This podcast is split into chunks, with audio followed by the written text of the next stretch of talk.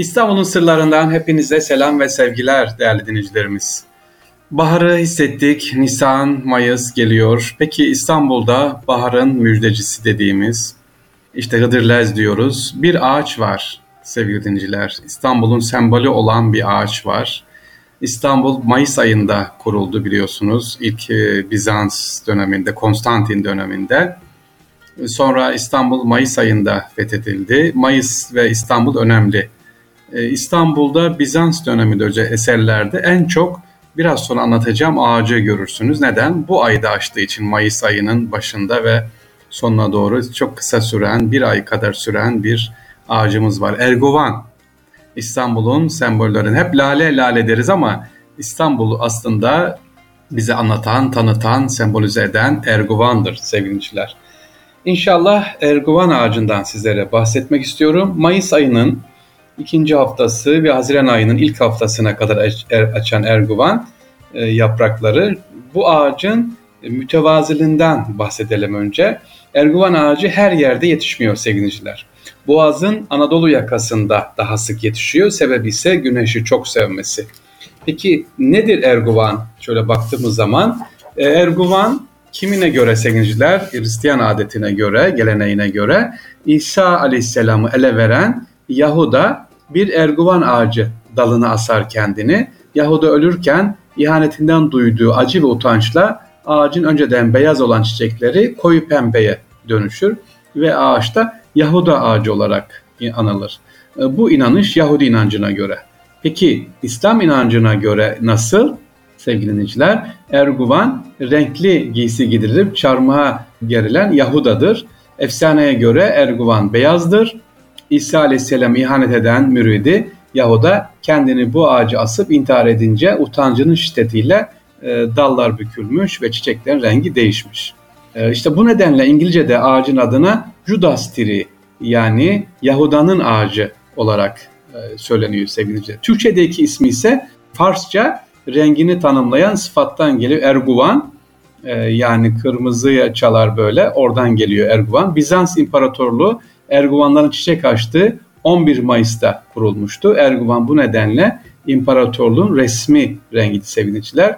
İmparatorlar Erguvan Sarayı'nın Erguvan Odası'nda doğardı. Evet, Erguvan Sarayı'nın Erguvan Odası'nda sadece Erguvan boyası e, loncasının nadir bir deniz salyangozuyla boyama hakkına sahip olan ipeklileri onları giyer. Hatta sevgiliciler Fatih Sultan Mehmet Han İstanbul'u fethedilince İstanbul'un son imparatoru 11. Konstantin'in cesedini bul, bul, bulamıyorlar.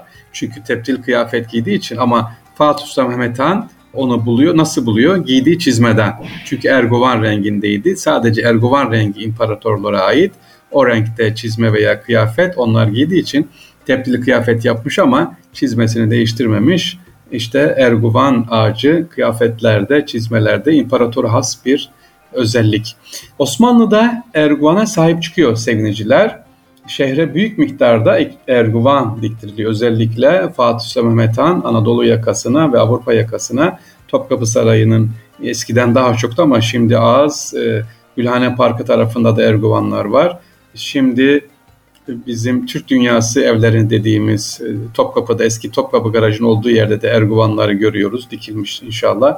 Yolunuz düşerse bakarsınız sevgiliciler. Erguvan ağacı kanaatkar bir ağaç. Ee, özellikle verimsiz kumlu toprakta yetişer, cefakar bir ağaç sevgiliciler. Ee, bu ağacın özelliği dediğim gibi renginin çok güzel olması.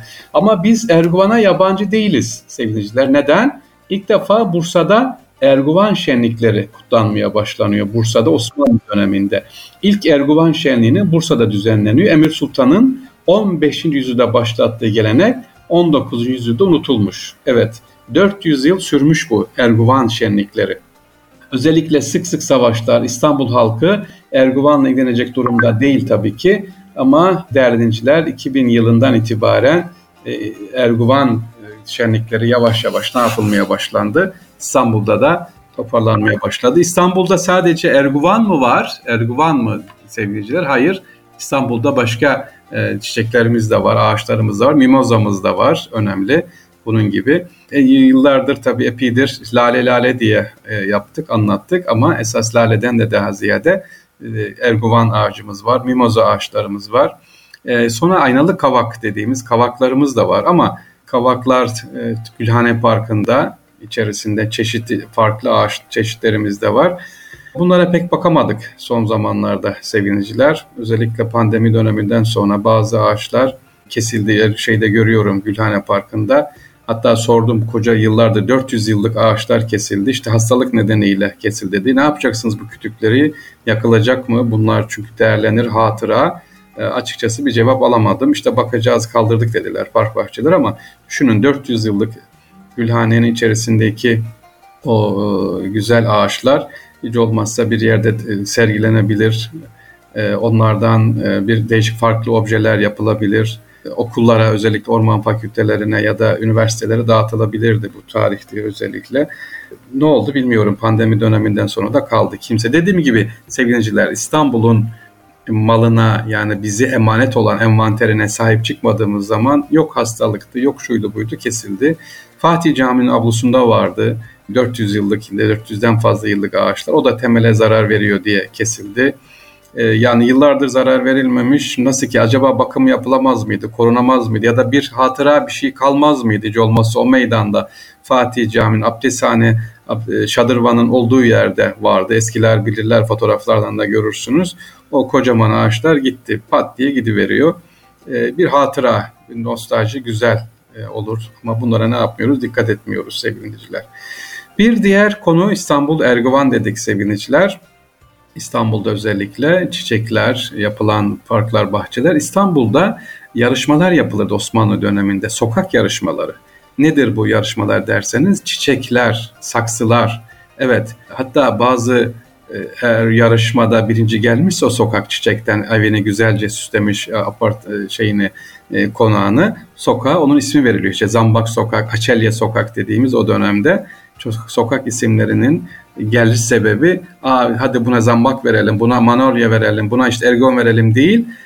O sokak birinci gelmiş, sokağını güzel süslemişler yarışma yapılıyor. İhtisap ağları geziyor. Ha bu sokakta güzel konaklar ya da bahçeler, evin dışarısı güzel süslenmiş ya da evin önünde ağaçlar var, bakımı yapılmış. Onlara ödüller veriliyordu. Her yıl saksıda çiçek yarışmaları yapılıyor sevgiliciler. Hanımlar, beyler, konak sahipleri buna katılıyorlar. E, hatta konağın isimleri de çiçek konaklar. İşte Ahmet Efendi konağı, Mehmet Efendi konağı değil. İşte Lale konağı ya da Gül konağı diye e, böyle yapıldığı dışarıdan ki o e, sergiledikleri çiçek isimlerinden de konak isimleri var. Ama şimdi dediğim gibi bunlar hepsi unutulmuş gitmiş. E, inşallah hepsi sevgiliciler. Çiçekten korkmayalım. Yok bakamam aman ilgilenemem demeyin. Hiç olmaz evinizde ne olur bir iki tane çiçeğiniz olsun. Şu yapma çiçeklerden bir bir şey diyemeyeceğim. Tamam alıyorsunuz ama yapma çiçek bile alsanız evinize lütfen onun bakımını her gün yapın. Sirkeyle temizleyin. Çünkü toz tutar, negatif enerji getirir. Canlı değil sevgiliciler. Orada duruyor. Hareketli değil. Fotosentez yapmıyor. Rengi güzel ama vaktiniz var mı? Normal çiçeğe bakamıyorsunuz ama işte yapma çiçeği, plastik çiçeğe nasıl bakacaksınız? Dediğim gibi onun her gün iki günde bir tozunun alınması, sirkeyle temizlenmesi lazım ki eve enerji versin. Yoksa tam tersi güzel olsun diye aldığınız o plastik çiçekler size zarar verir. Hepinize bir saksı olsun, güzel çiçekler olsun inşallah. Evet çiçek gibi bir hayat, çiçek gibi bir İstanbul'da yaşamak özlemiyle diyoruz efendim. Allah'a emanet olunuz. Kolay gelsin.